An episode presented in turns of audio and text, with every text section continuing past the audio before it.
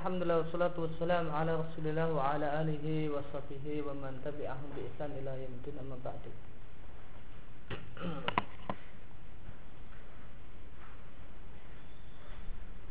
مكانة العقل جاتي. كل المؤلف. حفظه.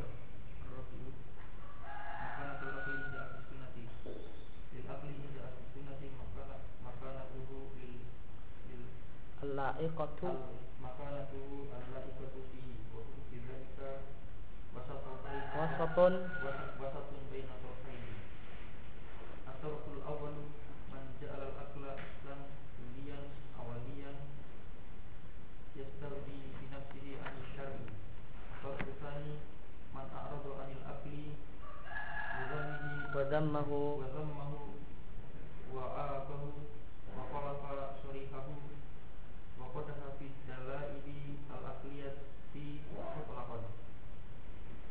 wasatu alwasatu fi wal wasatu wal wasatu fi dzalika al alifu an aqla syartun fi ma'rifatil ulumi.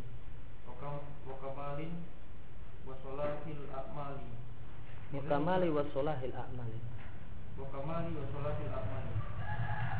Bidzalika kana salamatul aqli syartun fi tadrihi fal aqwalul fa silatum adamil aqli wal aqwa wal aqwalu al mukhalafatu al mukhalifatu al mukhalifatu lil akli batilatun waqad amara Allah bi istima'il qur'ani wa tadabburihi bil uquli.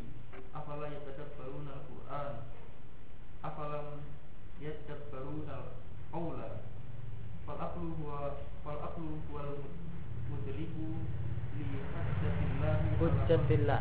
Li hujjatillahi ala qalbi anal akla la la yastaqillu bi nafsihi bal huwa muhtadun ila syar'i alladhi arrafana ma lam yakun li uqulina sabilun ila ila istiqlaliha bidrakihi abadan idil aklu ari gharizatun fi nafsi wa quwwatun fiha bi manzilati bi manzilati quwwatil basari basari lati fil aini. Fa ini ittasala bihi nurul im, nurul imani wal qur'ani kana kanuril aini idza ittasala bihi nurul syamsi wa wan naru wan nari. Wan nari. Nah posisi akal menurut ahlu sunnah. Akal menurut ahlu sunnah memiliki kedudukan yang layak baginya. Dan ahlu sunnah dalam bersikap terhadap akal adalah pertengahan di antara dua kelompok ekstrim Ekstrim pertama, orang yang menjadikan akal sebagai landasan kuli ya, Landasan yang awalian yang pertama dan itu adalah kuli yang eh, eh, jadi induk bagi yang lainnya. Yastarni binafsi ani syar'i dan tidak membutuhkan syariat. Akal bisa berdiri sendiri me- mengetahui baik dan buruk tanpa syariat. Ini pendapat Mu'tazilah. Biasanya akal itu bisa mengetahui baik dan buruk dengan sendirinya dengan akal tanpa syariat. Seandainya nggak ada syariat, manusia tidak tahu mana yang baik dan yang buruk. Bagaimana seandainya ada syariat? Kemudian ekstrem yang kedua adalah orang yang berpaling dari akal, mencela akal dan mencela akal. Dan menyelisihi akal yang syarih, akal yang akal sehat. Dan mencela berbagai dalil akal secara mutlak.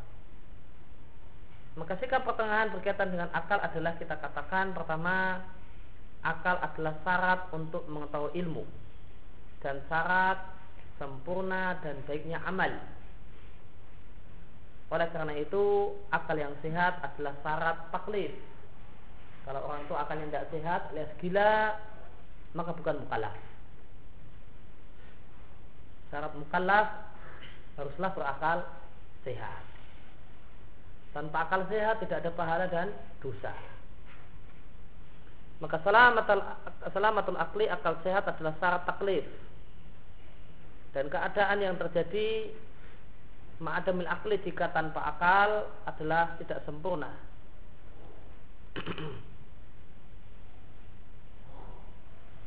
ya, jika orang itu tidak punya akal, tidak punya akal sehat, gila, maka tingkah polanya adalah tingkah pola yang bukan tingkah pola manusia.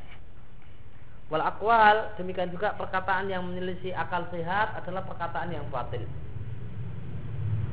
Dan Allah telah memerintahkan untuk mendengarkan Al-Quran dan merenungkan Al-Quran dan ini bisa dilakukan dengan akal. Bagaimana firman Allah? Apakah mereka tidak merenungkan Al-Quran? Apalah yadabbarul qawla? Apakah mereka tidak merenungkan perkataan yaitu Quran?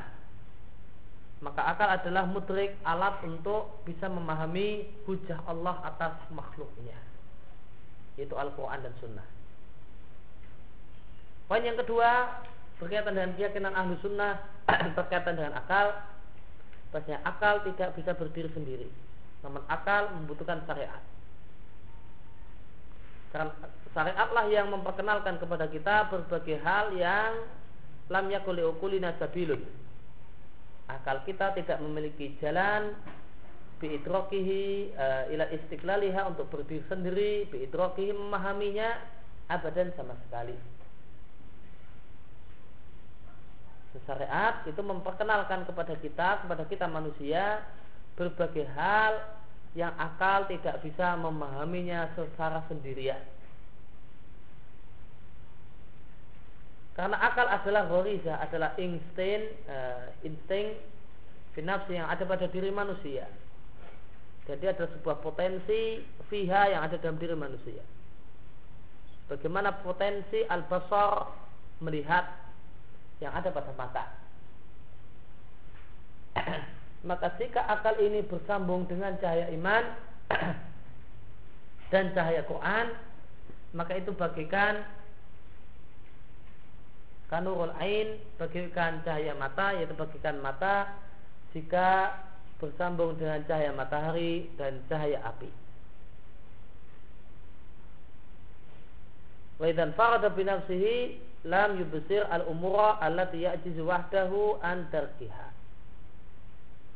Dan jika akal itu bersendirian tanpa cahaya iman, tanpa cahaya Quran, maka dia tidak akan bisa melihat berbagai perkara yang memang akal itu tidak mampu wahdahu jika sendirian untuk memahaminya.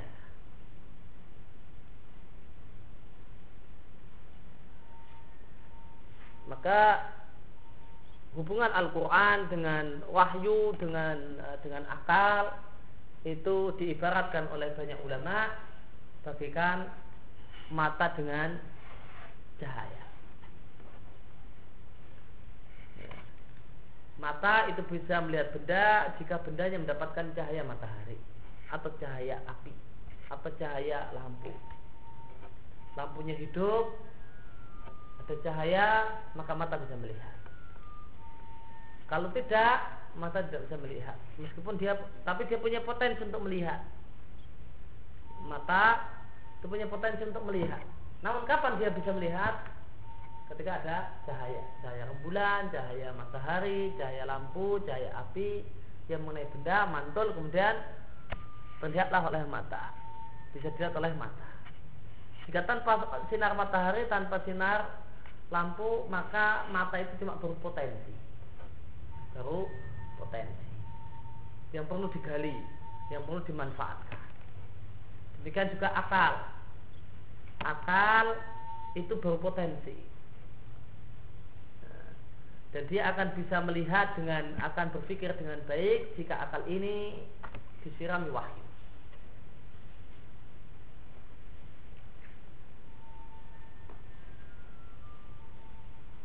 Maka hubungan antara Akal sangat membutuhkan wahyu sebagaimana mata membutuhkan sinar matahari. Membutuhkan cahaya.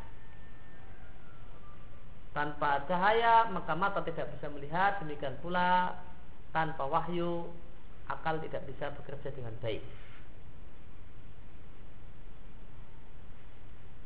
Maka akal tidak bisa berdiri sendiri. Karena perkara itu ada yang bisa ditangkap oleh akal. Ya, dusta itu buruk Demikian kata akal. Namun banyak perkara yang tidak bisa ditangkap oleh akal. Tidak sholat itu buruk, tidak puasa itu buruk, akal tidak bisa e, mengetahui hal ini tanpa wahyu. Meskipun tidak kita ingkari, sebagian perkara itu bisa dipahami oleh akal sehat. Namun tidak semua perkara.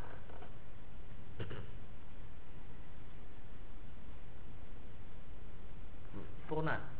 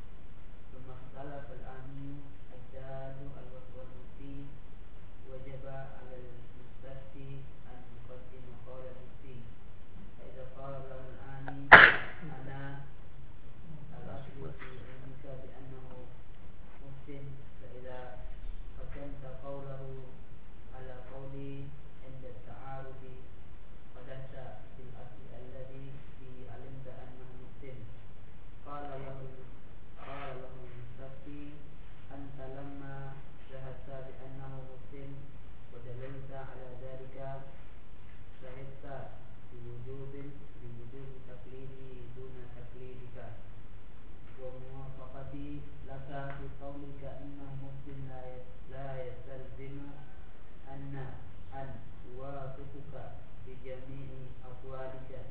وخطأك فيما خالفت في خالفت خالفت فيه المفتي. خالفت فيه المفتي الذي هو أعلم منك لا يستلزم خطأك في علمك بأنه مسلم. هذا مع أن المفتي يجوز عليه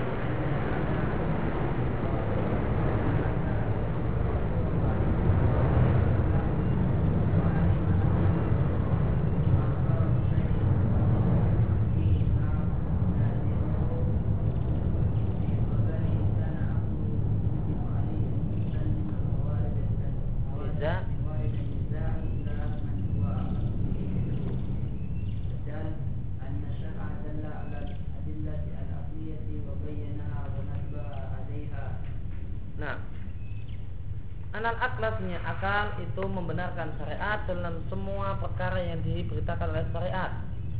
Dan akal dalun menunjukkan benarnya Rasul. Dalatan amatan mutlakotan secara umum dan secara mutlak.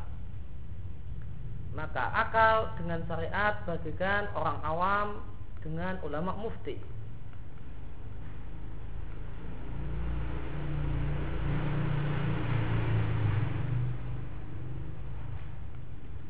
Fa'inal amin jika ada orang awam maka saya orang awam idza alima ainal mufti. Jika telah mengetahui sosok seorang mufti. Badalah ghairahu kemudian dia memberitahukan kepada orang lain alaihi bahasanya ini adalah mufti. Wabayana lahu dan dia jelaskan kepada orang awam yang lain annahu alimun mufti. Bahasanya inilah alim yang layak untuk memberi fatwa.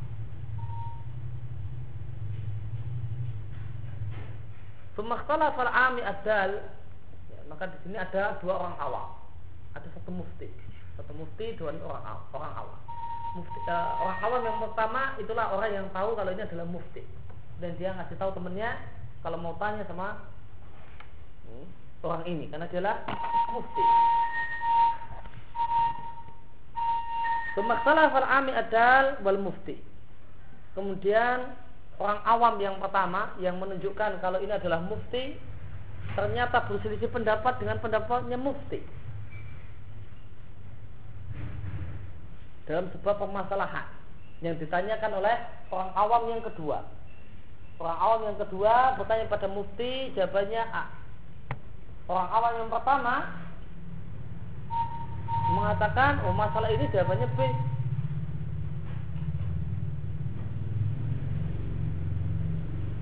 Maka bagaimanakah yang harus dilakukan oleh orang awam yang kedua? Wajib alal mustafti ayuqaddim qaulal mufti. Maka mustafti yaitu orang awam yang kedua wajib mendahulukan pendapatnya perkataan mufti bukannya perkataan temannya yang menunjukkan kalau ini adalah mufti. Faidah kalau lalu ami jika orang awam yang pertama berkata kepada mustafti yaitu orang awam yang kedua Orang awam pertama mengatakan anal aslu fi ilmika. Aku adalah sumber ilmumu. Bi anal mufti. Bahasanya orang itu adalah mufti. Faidah kodam takaulahu. Maka jika engkau mendahulukan perkataan si mufti ala kauli daripada pendapatku indah ta'arud ketika terjadi pertentangan maka berarti engkau telah mencela asal. Engkau telah mencela sumber yang dengan sumber itu engkau tahu bahasanya dia adalah mufti. Maka jawaban yang harus diberikan oleh mustafti yaitu orang awam yang kedua mustafti akan mengatakan antara masyahadta. Bahasanya engkau ketika engkau bersaksi bahasanya dia adalah mufti. Dan kau telah menunjukkan bahasanya dia adalah mufti. Maka berarti kau telah bersaksi kepadaku wajibnya taklid kepada si mufti bukan taklid kepadamu.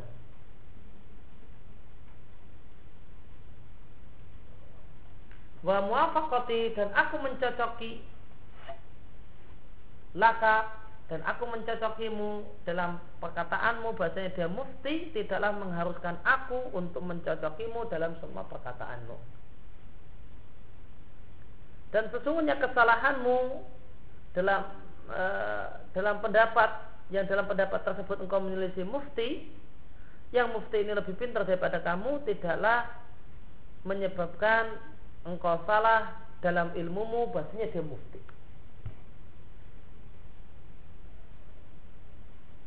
Maka demikianlah hubungan antara seseorang akal dan wahyu. Akal adalah adal, alaam adal. Orang awam yang menunjukkan bahasanya wahyu itu sumber rujukan. Nah, kemudian uh, al-insan adalah al-mustafti. Maka orang-orang yang mengedepankan akal ketika akal bertentangan dengan wahyu, mereka beralasan sebagaimana perkataan adal di sini. Anak aslu fi ilmika. Ya, orang orang yang meng, me, alasan orang yang mendahulukan akal mengatakan bahasanya akal adalah asal, adalah sumber dah, sumber atau dasar insan itu mengetahui bahasanya rujukan adalah wahyu. Maka jika manusia mengedepankan ya, mengedepankan syariat kemudian meninggalkan hukum akal ketika bertentangan maka ini berarti mencela asal. Mencela sumbernya. Ya, sumber yang dengannya dia mengetahui bahasanya rujukan adalah syariat. Ini perkataan orang yang mengatakan ketika akal bertentangan dengan wahyu didahulukan akal. Ini adalah mereka mengatakan anal aslu diganti jadi dialog. Maka jawaban ahlu sunnah Kenapa ketika akal bertentangan dengan wahyu kita dahulukan wahyu dan kita tinggalkan akal Maka jawaban ahlu sunnah berkaitan dengan pendapat tadi Wai akal setelah engkau bersaksi dan engkau sendiri yang menunjukkan bahasanya rujukan kita adalah wahyu maka berarti engkau bersaksi bahwasanya aku wajib mengikuti wahyu bukan mengikutimu wahai akal. Berarti engkau sendiri yang bersaksi bahwa saya aku yaitu al insan punya kewajiban untuk mengikuti wahyu bukan mengikuti kamu wahai akal. Dan aku sepakat dengan kamu wahai akal bahwasanya syariat adalah mufti. Syariat adalah rujukan. Wahyu adalah rujukan. Maka aku sepaham dan sepakat dalam uh, denganmu dalam masalah ini tidak mengharuskan aku harus sepakat dengan semua pendapat wahai akal. Dan kesalahanmu wahai akal dalam pendapat yang di dalam pendapat tersebut engkau menyelisih wahyu dan kau sendiri telah mengakui bahasanya wahyu itu lebih pintar dari kamu wahai akal tidaklah mengharuskan berarti engkau keliru ketika engkau telah menjelaskan kepadaku bahasanya wahyu adalah mufti.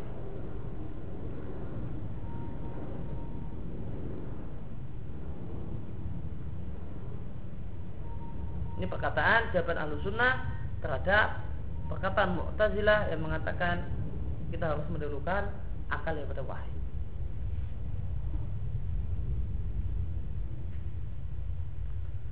Ini gambaran takribi, gambaran untuk mendekatkan tentang ya, kedudukan akal. Akal itu statusnya sebagai al-ami ad-dal. Akallah yang memberitahu manusia bahwasanya Rasul itu adalah hak. Bahwasanya wahyu adalah hak. Cuma memberikan petunjuk secara umum. Baru memberikan petunjuk secara umum kalau wahyu adalah hak. Ada makna mufti Ya, demikian tadi cuma gambaran pendekatan. Kenapa? Karena mufti itu boleh jadi keliru. Ya justru laul khata boleh jadi keliru.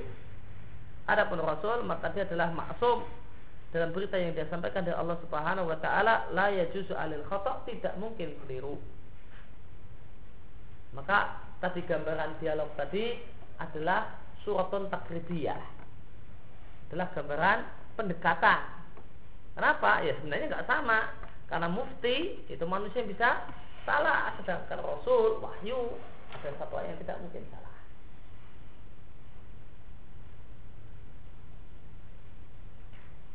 Fatakdimu qalil ma'sum ala ma yukhalifu minal istidlal akli maka mengutamakan perkataan manusia maksum yaitu Rasul sallallahu alaihi wasallam ala ma yukhalifuhu.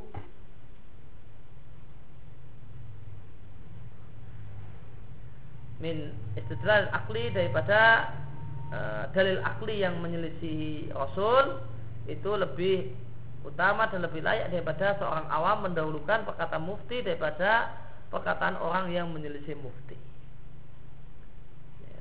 Maka wajib mendahulukan Rasul itu mimbabil aula daripada dua orang awam tadi.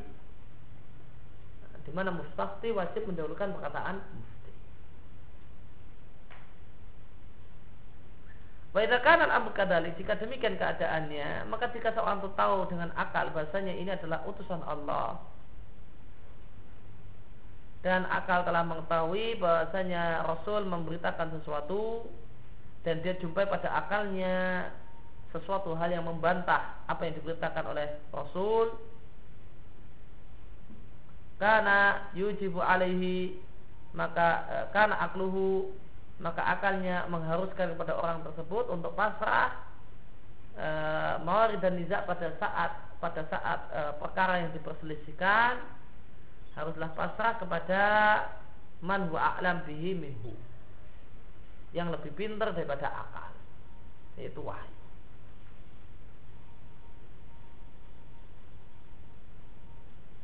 Ya, dengan akal maka orang tuh tahu bahasanya ini Muhammad adalah utusan Allah. Dan dia memberitakan kemudian ternyata ada berita yang disampaikan oleh Muhammad yang ini ditentang oleh akal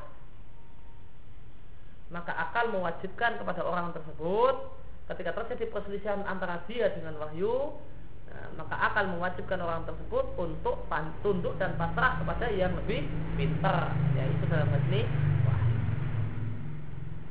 kemudian poin berikutnya bahasanya syariat menunjukkan nah, berbagai dalil akli dan menjelaskannya dan mengingatkannya.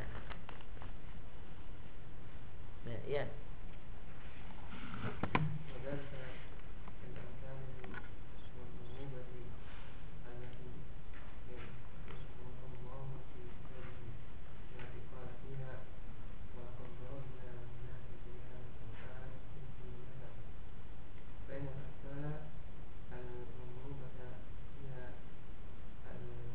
Satu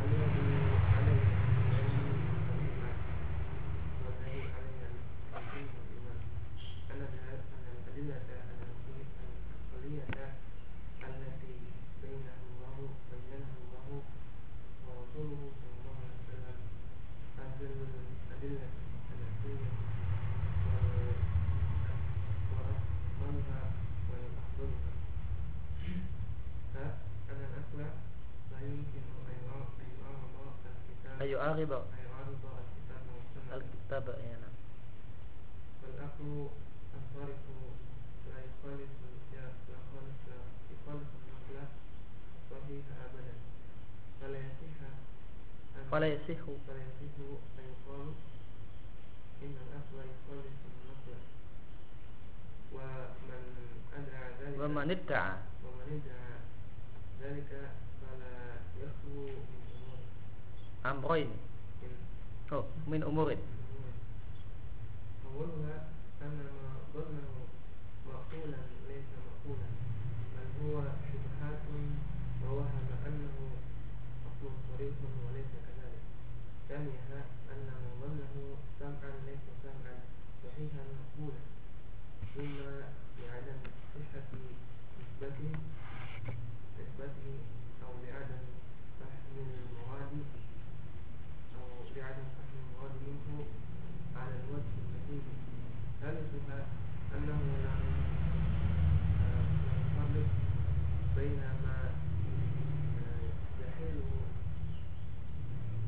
yahiluhul aklu?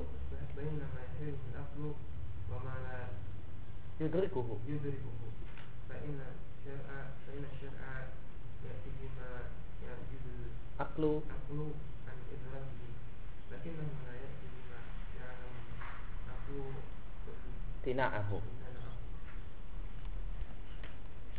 Contohnya adalah berbagai permisalan yang Allah buat Yang Allah sebutkan dalam kitabnya. Yang Allah berfirman tentang permisalan-permisalan tersebut dan semua telah kami buat linas untuk manusia dalam Al-Quran ini mengkuli masal berbagai permisalan. Maka amsilah al-madrubah berbagai permisalan yang dibuat dalam Al-Quran atau disebutkan dalam Al-Quran adalah ya, akisah akliyah adalah dalil qiyas yang berdasarkan akal. Maka Allah sebutkan dengan kias dengan melakukan permisalan Allah menetapkan tauhid. Allah menetapkan tauhid dengan kias. Allah katakan hadza khalqullahi. Ini adalah alam semesta ini adalah makhluk ciptaan Allah. Maka jika memang selain Allah itu berhak untuk disembah, fa'aruni. Maka tunjukkan kepada aku madza khalaqal ladzina min duni. Manakah ciptaan yang telah diciptakan oleh berbagai sesembahan selain Allah. Kemudian Allah menetapkan kenabian dengan uh, misal Kullau Allahu katakanlah seandainya Allah berkehendak, aku tidak membacanya, tidak membacakannya kepada kalian. Wala adrakum dan aku tidak memberitahukan e, memberitahukan kalian dengannya. Fakal abistu fikum umur sungguh aku telah hidup di tengah-tengah kalian sejumlah waktu lamanya. Mengkau beli sebelum aku dapat wahyu. Afala kilun tidak kalian berpikir. Wa isbatul ba'as Allah menetapkan hari berbangkit dengan firman-Nya Kul katakanlah yang akan menghidupkan manusia setelah matinya adalah yang menciptakannya pertama kali. Jika mudah bagi Allah menciptakan manusia pertama kali, maka mengembalikan penciptaan tentu lebih mudah. Maka ayat-ayat ini dalil bahasanya syariat telah menunjukkan dan mengingatkan bahasanya akal bisa jadi dalil akan bisa jadi dalil untuk menetapkan kebenaran. Yaitu dengan Allah membuat berbagai permisalan dalam Al-Quran. Dan hakikat misal adalah qiyas. Hakikat misal adalah qiyas.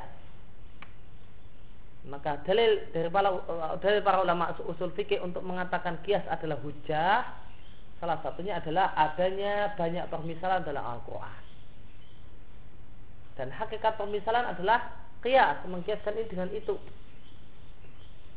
Ya.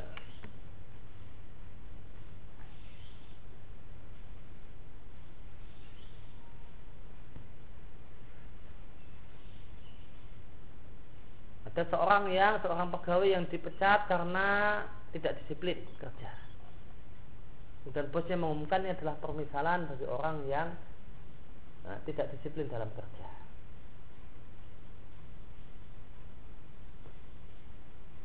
Maka ini adalah kias. Artinya siapa yang tidak disiplin dalam kerja maka dia bisa dipecat bagaimana orang itu dipecat.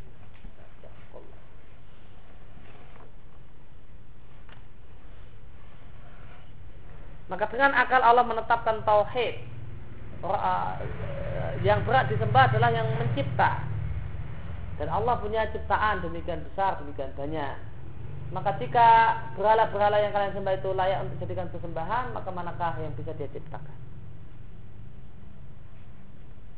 Dan dengan dalil akal Allah menetapkan bahasanya Nabi Muhammad adalah benar-benar utusan Allah. Kalian telah mengenal Muhammad ya, sejak lama. Karena dia Muhammad itu telah Muhammad Sallallahu Alaihi Wasallam itu hidup di tengah kalian selama 40 tahun lamanya.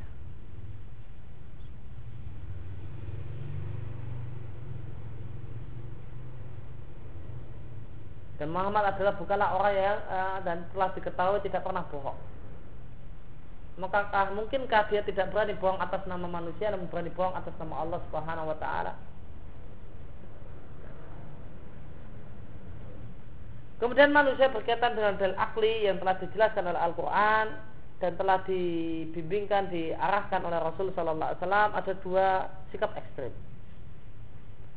Yang pertama adalah orang yang melalaikan berbagai dalil uh, dalil-dalil ini dan mencela dalil-dalil akli secara mutlak. Karena telah ada dalam benaknya bahasanya dalil-dalil akli adalah perkataan yang dibuat-buat, yang dibuat-buat oleh ahli kalam. Hanya dia menolak semua adilah akliyah. Kemudian yang kedua adalah orang yang berpaling tidak mau merenungkan Al-Quran dan tidak mau mencari dalil-dalil yakini berdasarkan akal yang ada dalam Al-Quran. Lianau dhihni karena ada dalam benaknya bahasanya Al-Quran itu hanya menunjukkan bitorikil khobar menunjukkan sesuatu dengan menceritakan sesuatu semata tidak ngajak berpikir. Akan cerita sesuatu itu wajib diyakini. Walati alih alul ilmi ahli ilmi wal iman dan pendapat yang dipegangi oleh alul ilmi dan iman. Bahasanya adalah dalil akli yang Allah jelaskan dan jelaskan Rasulullah Sallallahu Alaihi Wasallam. Ada dalil akli yang paling mulia, yang paling sempurna dan yang paling baik. Dan poin berikutnya berkaitan dengan sikap alusunah terhadap akal. Bahasanya akal tidak mungkin bertentangan dengan Quran dan Sunnah. Karena akal yang benar-benar sehat tidak akan pernah menyelisihi wahyu yang benar sama sekali. Maka tidak boleh ada kalimat Innal akal yukhalifun nakala. Akal itu bisa menyelisih nakal. Barang siapa yang mengklaim hal tersebut adanya satu masalah dalam masalah tersebut akal menyelisih wahyu maka cuma tidak lepas dari tiga kemungkinan. Kemungkinan yang pertama apa yang dia kira sebagai akal uh, sebagai satu hal yang logis itu bukanlah satu hal yang logis. Dan adalah subuhat ya, berbagai kesamaran berpikir yang dikira itu adalah akal sehat padahal bukan. Yang kedua, apa yang dikira itu adalah dalil wahyu bukanlah dalil wahyu yang sahih yang bisa diterima. Boleh jadi karena tidak sah nisbahnya. Nisbat kepada Rasul tidak sah. Artinya dia hadis dhaif. Atau karena tidak paham maksud dari hadis dengan pemahaman yang benar. Kemungkinan yang ketiga, orang yang mengklaim bahwasanya dalam satu masalah akal bertentangan dengan wahyu itu tidak bisa membedakan dengan baik mana yang dinilai mustahil oleh akal dan mana yang tidak bisa dipahami secara sempurna oleh akal. Yudrik itu paham sempurna. Lam yudrik tidak paham sempurna artinya paham namun tidak sempurna. Lam yudrik artinya Faham, namun fahamnya tidak sempurna. Bukan tidak faham sama sekali. Karena akal syariat itu mendatangkan, me, me, menceritakan e, berbagai hal yang akal tidak mampu untuk idrak, untuk memahaminya dengan sempurna. Akan tetap itu mungkin kalau syariat mendatangkan satu perkara yang tidak bisa dipahami akal secara sempurna itu mungkin. Akan tetapi saya tidak pernah membawakan sesuatu yang akal itu yakin kalau itu tidak mungkin. Intina artinya mustahil. Dan saya tidak pernah mendatangkan satu berita yang akal itu mengatakan ini mustahil. Karena sebagaimana telah kita bahas dalam pertemuan yang lewat, bahasanya apa yang ditetapkan oleh syariat itu cuma paling banter membingungkan akal namun tidak mustahil menurut akal. Mari kita contohkan dengan ada kubur. Kemudian berikutnya adalah pembahasan tentang dalil dalil pasal yang kedua dalil dalil yang disepakati dalam pasal ini ada empat pembahasan. Pertama tentang Quran, Sunnah, Ijma, kemudian tentang Kias. Pembahasan yang pertama itu tentang Al-Quran dan pembahasan ini terdapat lima masalah. Yang pertama ada definisi Alkitab. Kemudian, apakah dalam Al-Quran terdapat kata-kata yang bukan berbahasa Arab? Kemudian pembahasan masalah yang ketiga adalah mukam dan mutasabih dalam Al-Quran. Kemudian pembahasan yang keempat adalah apa hukum beramal dengan kiroah yang sazah Kemudian pembahasan yang kelima, apakah dalam Al-Quran ada majas? Adakah majas dalam Al-Quran? Masalah pertama adalah definisi Al-Quran. Ya, perdana.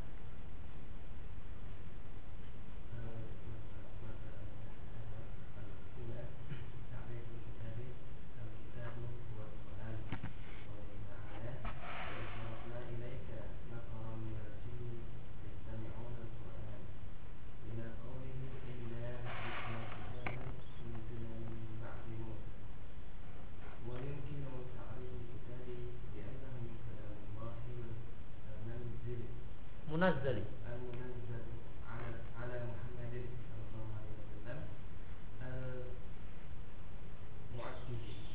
المعجز. بنفسه. Muta'abbadu المتعبد. بتلاوته وقد جمع التعريف أربعة أربعة. awwalu القيد الأول. القيت الأول القيت الأول bukan bukan qaid al qaitul awwal al qaitul awwal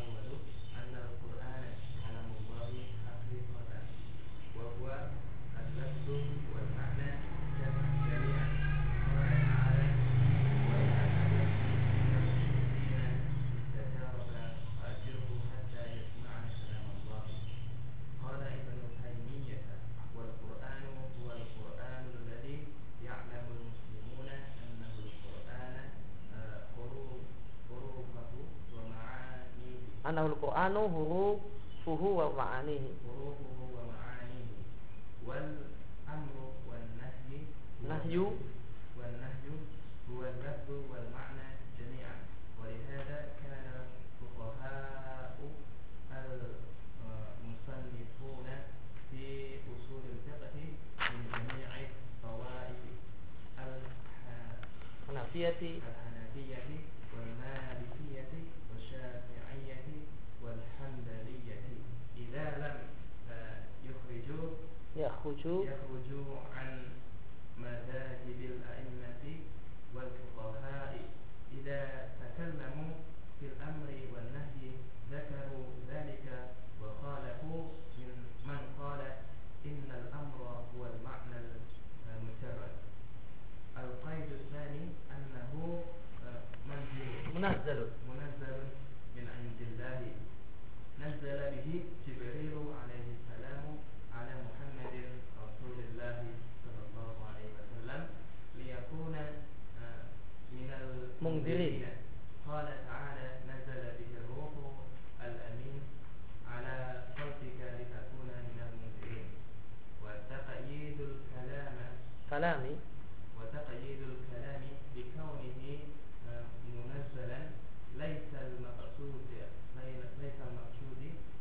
Laisa al-maqsudu minhu ليس المقصود منه إثبات الكلام Isbat al-kalami إثبات الكلام النفسي والاحتراز عنه كما ذهب الأشاعرة إلى ذلك Nah Yang pertama adalah definisi Al-Quran Al- Yang dimaksud dengan Alkitab di sini adalah Al-Quran Dalilnya firman Allah Subhanahu wa taala, "Wa id sarafna ilaika nafaran minal jinni." Ketika kami palingkan agar bertemu denganmu sejumlah jin, yastami'una al-Qur'an. Mereka mendengarkan Al-Qur'an. Sampai ayat para jin mengatakan inna sami'na kitaban. Kami mendengar kitab. Padahal tadi mengatakan yastami'una al-Qur'an. Dan ayat setelahnya sami'na kitab, berarti Quran, kitab adalah Quran. Allah mengatakan mereka mendengarkan Al-Quran Kemudian jin tersebut mengatakan kami mendengar Alkitab Berarti Alkitab adalah Quran. Unzila min ba'di Musa yang diturunkan setelah Musa. Dan mungkin mendefinisikan Al-Quran dengan kita katakan Al-Quran adalah kalamullah Al-Munazzal yang diturunkan kepada Muhammad Sallallahu Alaihi Wasallam Al-Mu'jiz binafsihi Yang menjadi mukjizat dengan diri- sendirinya wal muta'abbad dan dinilai sebagai ibadah dengan membacanya.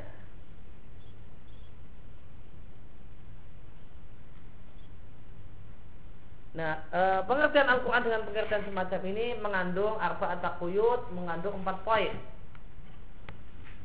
Yaitu pertama kita katakan Al-Quran adalah kalamullah. Artinya Al-Quran adalah firman Allah hakiki adalah firman Allah, lafaz dan maknanya semuanya. Jadi kan akidah al-sunnah, bahasanya Al-Quran adalah firman Allah, lafaz dan maknanya. Sebagaimana akidah asyairah yang mengatakan Al-Quran adalah maknanya adalah firman Allah, adapun lafaznya itu buatan Muhammad atau buatan Jibril. Maknanya saja yang firman Allah. Dan Ahlussunnah meyakini dan inilah keyakinan yang benar bahwasanya Al-Quran adalah firman Allah, lafadznya firman Allah, maknanya juga firman Allah. Lafadznya itulah Allah yang memfirmankan, alif ba ta ta-nya itulah Allah yang memfirmankan dan maknanya adalah Allah yang memfirmankan. Sedangkan Asy'ariyah mengatakan alif ba ta ta-nya itu bikinan Muhammad atau kreasi Jibril, sedangkan maknanya lah yang berasal dari Allah Subhanahu wa taala.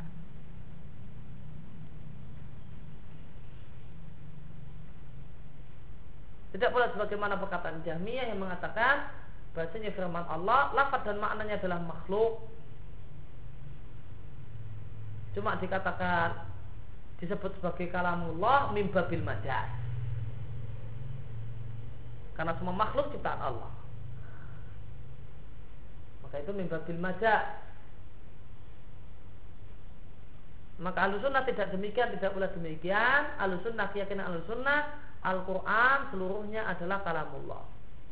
Alif bak tak taknya itu kalamullah. Sebagaimana makna dan kandungannya adalah kalamullah. Menyelisih asyairah dan jahmiyah. Dalil al-sunnah. Wain ada minal musyrikin astajarokah. Jika ada seorang musyrik yang minta perlindungan kepadamu, maka lindungilah dia sehingga orang tersebut bisa mendengar firman Allah. Maka firman Allah kata kata Allah dalam ayat ini firman Allah itu bisa didengar. Kalau bisa didengar maka ada huruf dan maknanya. Jika demikian maka lafadznya adalah firman Allah. Kata Ibnu Taimiyah, Al-Quran adalah Al-Quran yang seluruh kaum muslimin telah yakin seluruh kaum muslimin tahu an Al-Quran bahasa itu adalah Al-Quran, hurufnya dan maknanya. Ya, Al-Sunnah berkeyakinan bahasa huruf dan maknanya adalah Al-Quran. Huruf dan maknanya adalah firman Allah. Wal amru wan nahyu dan perintah dan larangan itu adalah lafaz dan makna sekaligus.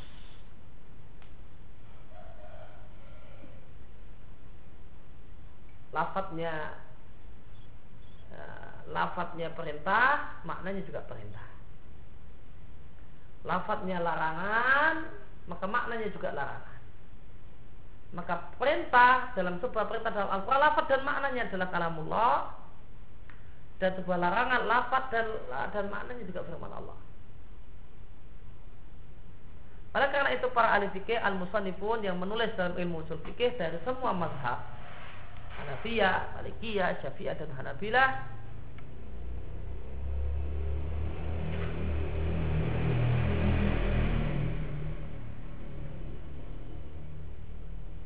Idalam yakuju jika mereka tidak keluar dari mazhab para imam mazhab yang empat dan para ahli fikih, idza takalamu fil amr wan nahyi, jika mereka berbicara tentang perintah dan larangan, zakaru dalika mereka menyebutkan hal tersebut.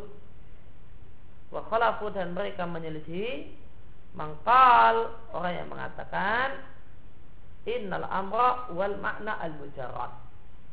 Bahasanya perintah itu adalah ya, makna al-mujarrad semata-mata makna, lafadznya bukan perintah.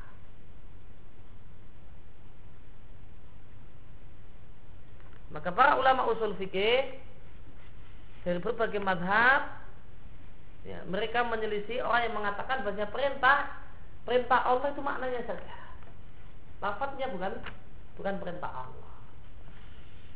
Ini karena mazhab Asy'ariyah yang mengatakan bahasanya Al-Qur'an itu adalah firman Allah adalah maknanya saja, bukan hurufnya. Maka jika mengikuti mazhab Asy'ariyah bahasanya firman Allah itu adalah maknanya bukan hurufnya, bukan alif ba ta ta-nya, maka perintah itu adalah yang jadi perintah Allah adalah makna mujarrad. Makna yang terkandung dalam lafaz. Lafaznya bukan perintah Allah. Lafadznya bukan perintah Allah, karena itu bikinan Muhammad atau Jibril. Nah, itu bikinan Muhammad atau Jibril. Lafaz perintah itu bikinan Muhammad atau Jibril. Menurut Asy'ariyah yang merupakan perintah Allah adalah maknanya. Larangan, lafaz larangan wala taqrabu zina, kalimat wala taqrabu zina imma buatan Muhammad, imma buatan Jibril. Namun isi dari jangan mendekati zina isi dari wala taqrabuz zina, nah itulah yang merupakan larangan dari Allah Subhanahu wa taala.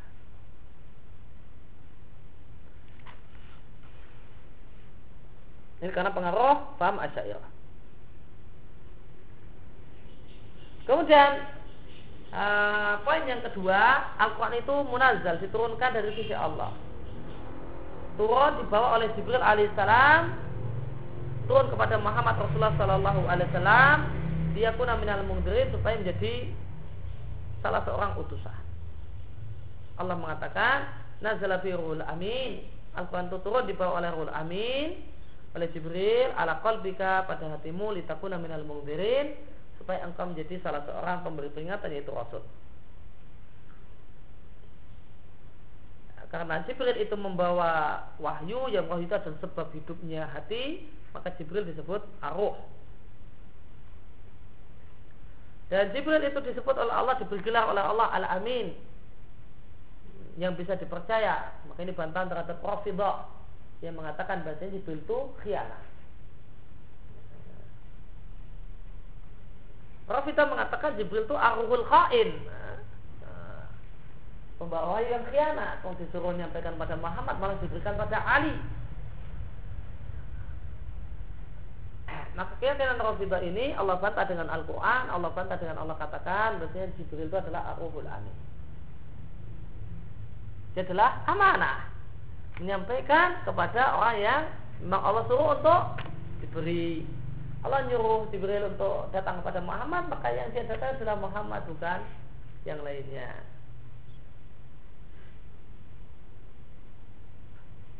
Wataqiyatul kalam Bikaunihi munazzal. Dan Kita katakan dalam definisi Al-Quran tadi Kita berikan poin Takyid kita batasi uh, kita berikan uh, batasan pada uh, kalam bahasanya dia adalah munazal diturunkan. Kata-kata munazal di sini lesal maksud minhu bukanlah maksudnya isbatul kalam nafsi. Menetapkan kalam nafsi.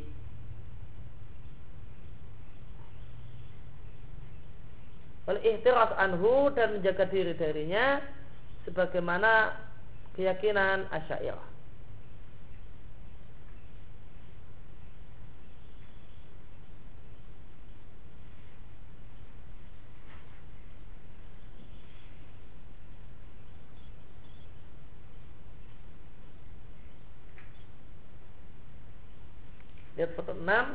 kalau al-asnawi fakharaja bil munazal maka dengan kita katakan bahasa Al-Quran itu munazal diturunkan maka tidaklah termasuk Al-Quran al-kalamun nafsani ya, al-kalam nafsi kata batin wa kalamul basyari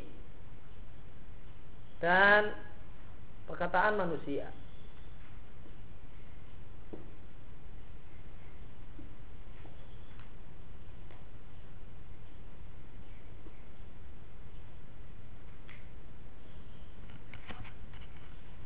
Uh, maksudnya Allah Ta'ala a'lam Asairah berpendapat ketika mendefinisikan Al-Quran dengan mengatakan bahasanya Al-Quran itu munazal ya, Asairah menggunakan kata-kata munazal dalam, definisi Al-Quran untuk mengatakan bahwasanya apa yang dibaca oleh manusia dari Al-Quran itu bukan Al-Quran. Manusia mengatakan Alhamdulillahirabbil alamin arrahmanir rahim maliki yaumiddin ini kalamul bashar. Maka ini bukan Al-Qur'an. Ini Al-Qur'an karena Al-Qur'an itu munazzal. Dan uh, bukan kalamul bashar. Bagaimana perkataan Al-Asnawi?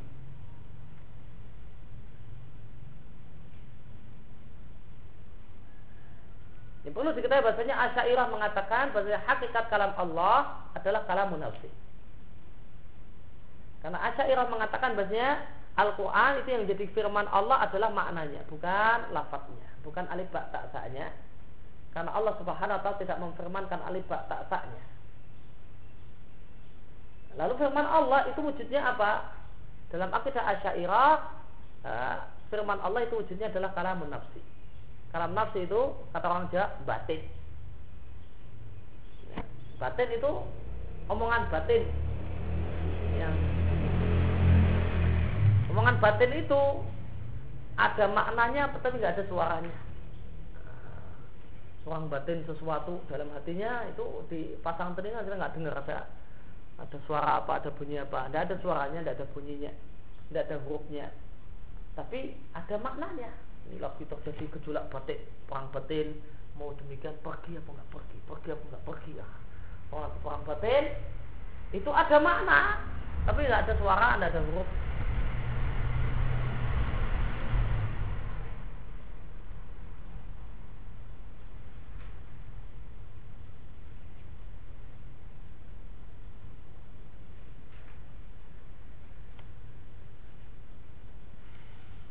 Namun maksud ahlu sunnah dengan mendefinisikan bahasanya al-munazzal Al-Quran itu adalah diturunkan itu artinya adalah untuk menegaskan bahasanya Allah yang memfirmankan. Kalau dia diturunkan dan diturunkan dari sisi Allah maka artinya Allah yang memfirmankan. Dan artinya Allah subhanahu wa ta'ala berada di atas sana. Itu maksud ahlu sunnah ketika mengatakan bahasanya Al-Quran adalah kalamullah munazzal. Berbeda dengan maksud asyairah. Asyairah mendefinisikan Al-Quran dan mengatakan kalamullah munazzal itu untuk menetapkan kalam nafsi. Untuk menetapkan kalam nafsi. Dan bahasanya kalamul basyari itu bukanlah firman Allah.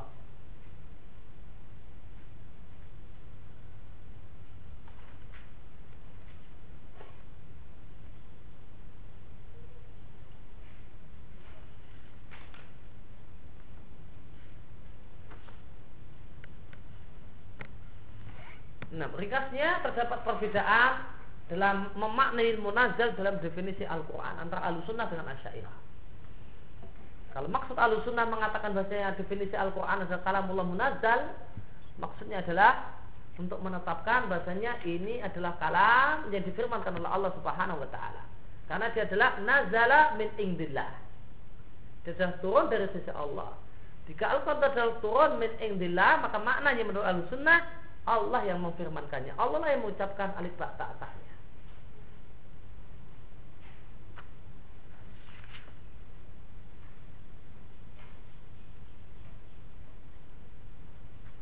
Ya. Kemudian kait berikutnya Abdul. Sampai besar itu kaum mu'jidah, ulul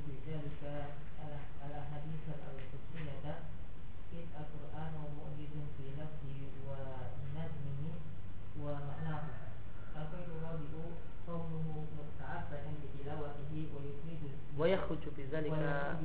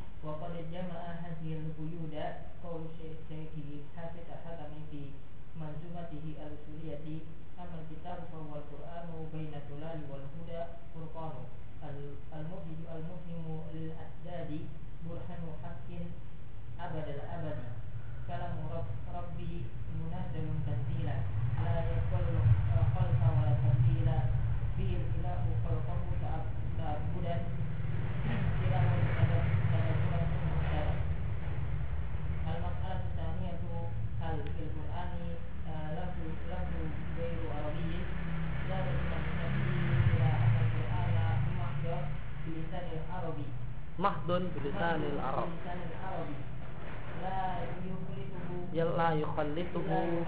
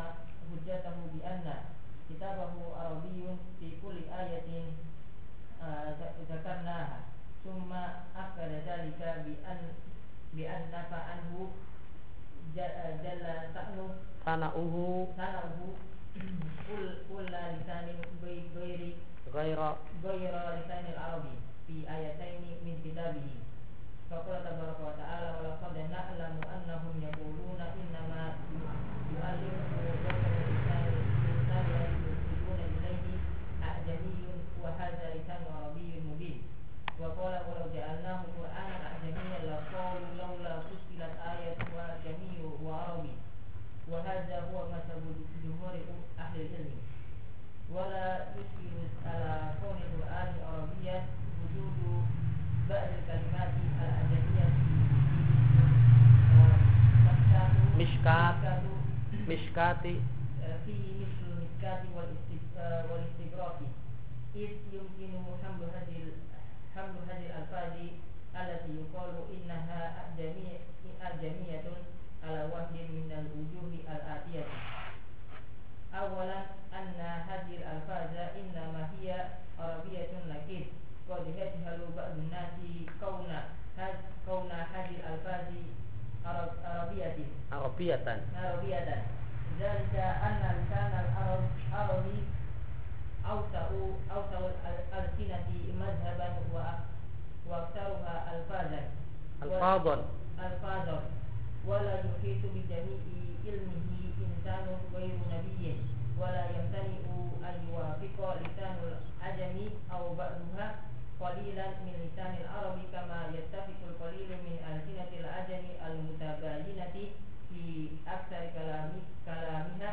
مع ت- تناء Tana'i تناء ديارها واختلف لسانها Waktilafi واختلاف آه، واختلاف لسانها ثانيا أن هذه الألفاظ التي يقال إنها أعجمية لا ي- لا يمتنع أن تكون عر- عربية وأن يكون لها معنى آخر في اللغة الأخرى ف- فمن نسبها إلى العربية فهو محق ومن نسبها إلى غيرها فهو محق ثالثا أن هذه الألفاظ أصلها غير أصلها غير عربي ثم أربتها العرب واستم واستعملتها wastakmalatha واستعملتها فصارت من لسانها وإن كان أصلها أعجميا Nah.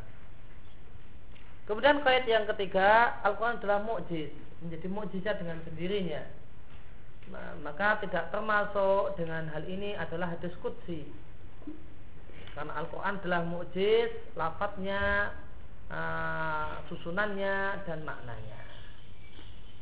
Sedangkan hadis qudsi itu adalah lafadznya dari Allah, lafadznya dari Nabi, maknanya dari Rasul. Maka yang mukjiz adalah maknanya. Lafadznya tidak. Hadis qudsi berdasarkan penjelasan banyak ulama eh, itu lafadznya dari Nabi, maknanya dari Allah. Maka berdasarkan penjelasan ini, maka hadis qudsi itu mukjiz maknanya saja, tanpa lafadznya. Berbeda dengan Quran. Quran mukjiz binafsihi, artinya Al-Quran adalah mukjizat lafadz dan maknanya, bahkan susunannya. Kemudian yang keempat adalah Al-Quran itu dinilai beribadah dengan membacanya. Maka dengan hal ini maka tidaklah termasuk dengan apa poin ini ayat-ayat yang sudah mansuh lafadznya. Ya. Baik hukumnya masih berlaku ataupun tidak. Tapi jika lafadznya sudah mansuh maka tidaklah dinilai beribadah jika orang itu membacanya. Di mana membaca satu huruf mendapatkan 10 hasanah. Karena lafadz yang sudah mansuh itu syarat jadilah setelah nasr bukan lagi Al-Quran. Karena sudah tidak ada lagi ta'abud beribadah dengan membacanya Maka tidak diberi status sebagaimana Al-Quran. Nasr dalam Al-Quran terdapat beberapa macam nasr ya, Salah satunya adalah nasr lafad Nasr lafad yang boleh jadi hukumnya masih berlaku Semacam ayat rajam Ataupun nasakh lafaz dan nasakh makna. Nasakh lafaz dan nasakh hukumnya. Semacam masalah eh, persusuan.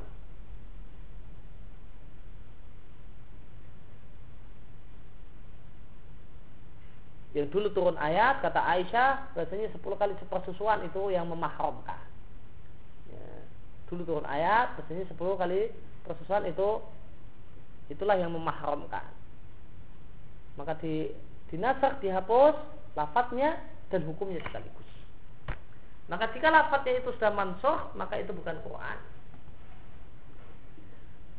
Kemudian uh, beliau katakan dan empat poin definisi Al-Quran ini telah dikumpulkan dalam perkataan Syekh uh, Hafid Al-Hakami dalam Mandumah Usuliyah beliau.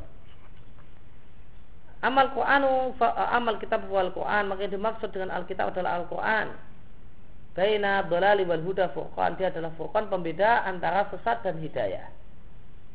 Al-mu'jiz dia adalah mukjizat. Al-mufhim dia adalah yang membungkam lil lil a'dad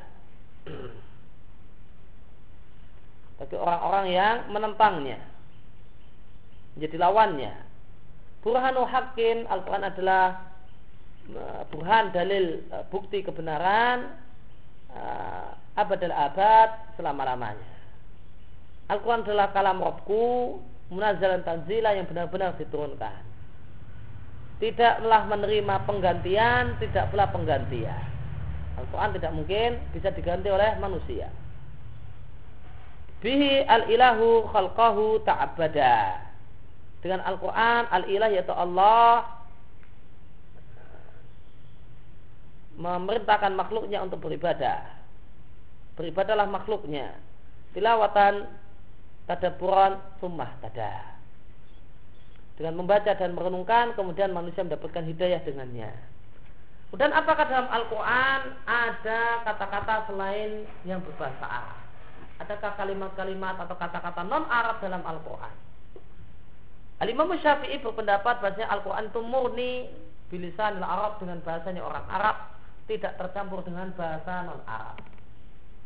Imam Syafi'i berdalil dengan beberapa dalil. Di antaranya adalah tidaklah kami utus seorang pun rasul kecuali dengan menggunakan bahasa kaumnya. Dan Rasul Muhammad diutus pada awalnya untuk orang Arab. Maka apa yang dia sampaikan adalah murni berbahasa Arab dan sini Al-Quran itu turun dari Arab semesta alam turun di bawah Ruhul Amin pada e, pada hatimu supaya engkau menjadi orang yang memberikan peringatan yaitu Rasul bilisan dan Arabin mubin dengan bahasa Arab yang nyata dan Allah mengatakan demikianlah kami menurunkannya hukman Arabian ya, hukum yang berbahasa Arab dan ayat-ayat yang lainnya. Setelah itu Imam Syafi'i mengatakan maka Allah telah membawakan hujah, telah menyampaikan dalil bahwasanya kitabnya adalah berbahasa Arab dalam semua ayat yang telah kami sebutkan. Suma akad dari kemudian Allah menegaskan hal tersebut dengan Allah Subhanahu wa taala meniadakan dari Al-Qur'an kula lisanin semua bahasa selain bahasa Arab dalam dua ayat dalam Al-Qur'an. Dan dua ayat dalam uh, dalam Al-Quran Allah menegaskan tidak ada bahasa ajam dalam Al-Quran. Itu Allah Subhanahu Wa Taala mengatakan dan sungguh kami telah mengetahui bahasanya mereka mengatakan Innama ya'alimuhu yang mengajarkan Al-Quran kepada Muhammad adalah basyarun manusia. Maka Allah mengatakan Allah membantah Lisanul ladhi yulhiduna ilaihi adalah bahasa yang mereka ya, cenderung padanya ajamiyun adalah bahasa ajam. Wahada lisanun arabiyun mubin. Dan ini adalah bahasa Arab yang nyata. Bagaimanakah bisa-bisanya dikatakan bahasanya Nabi itu Nabi Muhammad itu tahu Al-Quran diajari oleh orang? Yaitu ahli kitab. Atau uh, ya, di antara tuduhan orang-orang musyrik mereka mengatakan bahasanya Nabi Muhammad itu mendapatkan Al-Quran diajari oleh saya lupa namanya seseorang yang dia adalah non Arab itulah yang ngajari Nabi Al-Quran padahal orang yang ngajari Nabi ini gurunya pak orang non Arab maka Allah bantah bagaimana bisa-bisanya dikatakan bahasanya yang ngajari Al-Quran pada Muhammad adalah orang aja Padahal apa? Gurunya itu yang dia sebut-sebut namanya, yang mereka sebut namanya itu adalah berbahasa aja. Wahada Arabian mungkin. Dan ini berbahasa Arab. Artinya Allah apa? Mengingkari kalau ada bahasa ajam di sini. Ini bahasa Arab semuanya. Kalau gurunya itu ajam, nah, maka ada banyak bahasa ajam di sini. Nah, kalau gurunya, uh, gurunya adalah orang ajam. Dan Allah juga berfirman seandainya kami menjadikannya Quran berbahasa Arab, eh, berbahasa ajam, niscaya mereka akan komentar seandainya ayat-ayatnya dirinci. Ajamiyun wa Arabiyun. Apakah ajam ataukah Al-Quran ini berbahasa Arab? Siapa yang Al-Quran ini berbahasa Arab? Maka Allah katakan seandainya Al-Quran itu ada ajamnya, ada bahasa ajamnya, tentu orang-orang musyrik akan protes. Wah ini ini nggak jelas. Ini akan jelas jika semuanya bahasa Arab. Allah katakan bahkan ini semuanya berbahasa Arab. Maka Allah meniadakan adanya bahasa ajam dalam dua ayat ini. Namun la yuskil ala qaulil Quran namun tidaklah membingungkan merancukan bahwa Al-Quran berbahasa Arab adanya beberapa kata ajam semacam miskat yang artinya lentera atau istibrok yaitu sutra sejenis sutra karena mungkin memahami kita tafsirkan hadi alfal kita pahami lafal-lafat ini yang yukalu yang katanya adalah bahasa ajam kita pahami, kita tafsirkan dengan salah satu dari nah, tiga penafsiran di sini. Ada tiga penjelasan untuk mendudukan ada bahasa-bahasa yang kata sebagian orang bukan bahasa Arab. Atau sebelumnya wahada wa mazhabu jumhur ahli ilmi. Dan ini pendapat jumhur ulama. Itu bahasanya Al-Quran seluruhnya 100% itu berbahasa Arab. Artinya ada sebagian ulama yang mengatakan Al-Quran itu ada sebagiannya yang tidak berbahasa Arab. Tapi cuma cuma beberapa kata aja. Di antaranya adalah al-miskat dan istibrak. Namun berkaitan dengan adanya miskat dan istibrak, maka dijawab oleh jumhur dengan tiga jawaban. Pertama, bahasanya lafat-lafat ini adalah bahasa Arab. Akan tapi sebagian orang tidak tahu kalau ini adalah berbahasa Arab. Karena bahasa Arab itu adalah bahasa yang paling luas. Madhaban, madhab di dalam bahasa Arab itu banyak, kabilahnya banyak. Nah, kabilahnya banyak. Ini bahasa Arab namun dalam kabilah A. Maka orang kabilah ini yang tidak tahu kabilah itu akan mengatakan ini bukan kayaknya bukan bahasa Arab. Padahal itu bahasa Arab namun uh, di satu kabilah. Dan bahasa Arab adalah bahasa yang sangat banyak lafadznya, kosakatanya. Dan tidak ada yang menguasai semua ilmu bahasa Arab, semua lafat-lafat kosakata bahasa Arab satupun manusia selain Nabi. Dan wala yang tanya dan tidaklah mustahil bahasa ajam atau sebagian ajam itu mencocoki sedikit dari bahasa Arab. Sebagaimana sedikit dari bahasa-bahasa ajam al-mutabayyinah yang berbeda-beda itu fi aksar kalam yang berbeda-beda dalam mayoritas kata-katanya itu mencocoki satu dengan yang lainnya ma'atana idiariha padahal berjauhan tanah jauh tempat tinggal mereka dan sangat berbeda bahasa mereka maka jawaban yang pertama apa? Boleh jadi ini adalah bahasa Arab, namun cuma orang ini saja yang bilang kalau ini bukan bahasa Arab tidak tahu. Ini bahasa Arab dalam kabilah satu kabilah. Atau ini cuma di, kesamaan berbahasa. Yang memang tidak menutup kemungkinan satu bahasa itu sama dengan bahasa lain tanpa ada ini menurut itu, itu menurut ini. Buktinya apa? Dalam bahasa Ajam Nah, ini dengan itu, itu tempatnya tempat tinggalnya jauh, tidak pernah ketemu, ternyata kok bahasanya sama. Ada satu kata katanya yang sama. Itu satu hal yang lumrah, padahal tidak pernah ketemu dua bangsa ini. Itu ternyata bahasanya ada dua atau tiga kosa katanya yang sama. Itu cuma kebetulan kesamaan dalam berbahasa. Jawaban yang kedua, bahasanya kosakata-kosakata tadi yang dikatakan adalah ajam, layam tani tidaklah mustahil itu adalah bahasa Arab.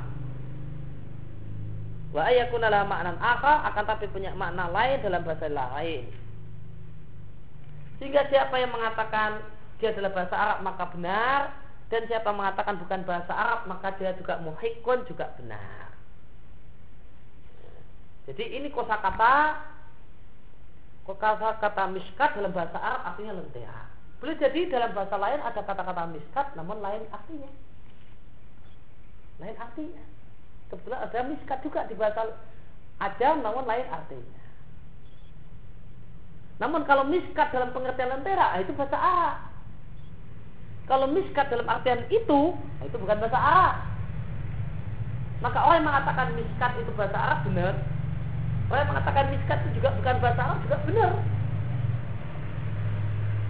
Orang yang mengatakan miskat itu bahasa Arab dan bukan bahasa Ajam adalah benar jika miskat dengan pengertian ini. Dengan pengertian misbah. Itu bahasa Arab. Dan jika dikatakan miskat itu bukan bahasa Arab juga benar jika miskat yang dimaksudkan miskat dengan artian yang itu. Siapa yang terakhir? Bacanya kata-kata kata ini aslinya bukan Arab, kemudian diarabkan oleh orang Arab dan digunakan oleh orang Arab sehingga jadilah bahasa Arab meskipun aslinya bahasa Ajam. Jadi kita katakan ulama itu bahasa Indonesia. Ulama itu bahasa Indonesia meskipun aslinya bukan bahasa Indonesia. Arwah itu bahasa Indonesia. Ya. Arwah itu bahasa Indonesia meskipun aslinya bukan bahasa Indonesia. Itu bahasa luar kemudian diimpor dipakai maka jadilah bahasa Indonesia. Maka kemungkinan yang ketiga ini tadi adalah bahasa yang dipakai oleh orang Ajam kemudian dipakai oleh orang Arab dan jadilah dia bahasa Arab kemudian turunlah Al-Quran dengan memakai istilah dan kata tersebut. Sallallahu ala Nabi Muhammad wa ala alihi warahmatullahi wabarakatuh Alhamdulillah alamin. Subhanakallah bihamdika syahadu la ilaha illa anta astaghfiruka wa atubu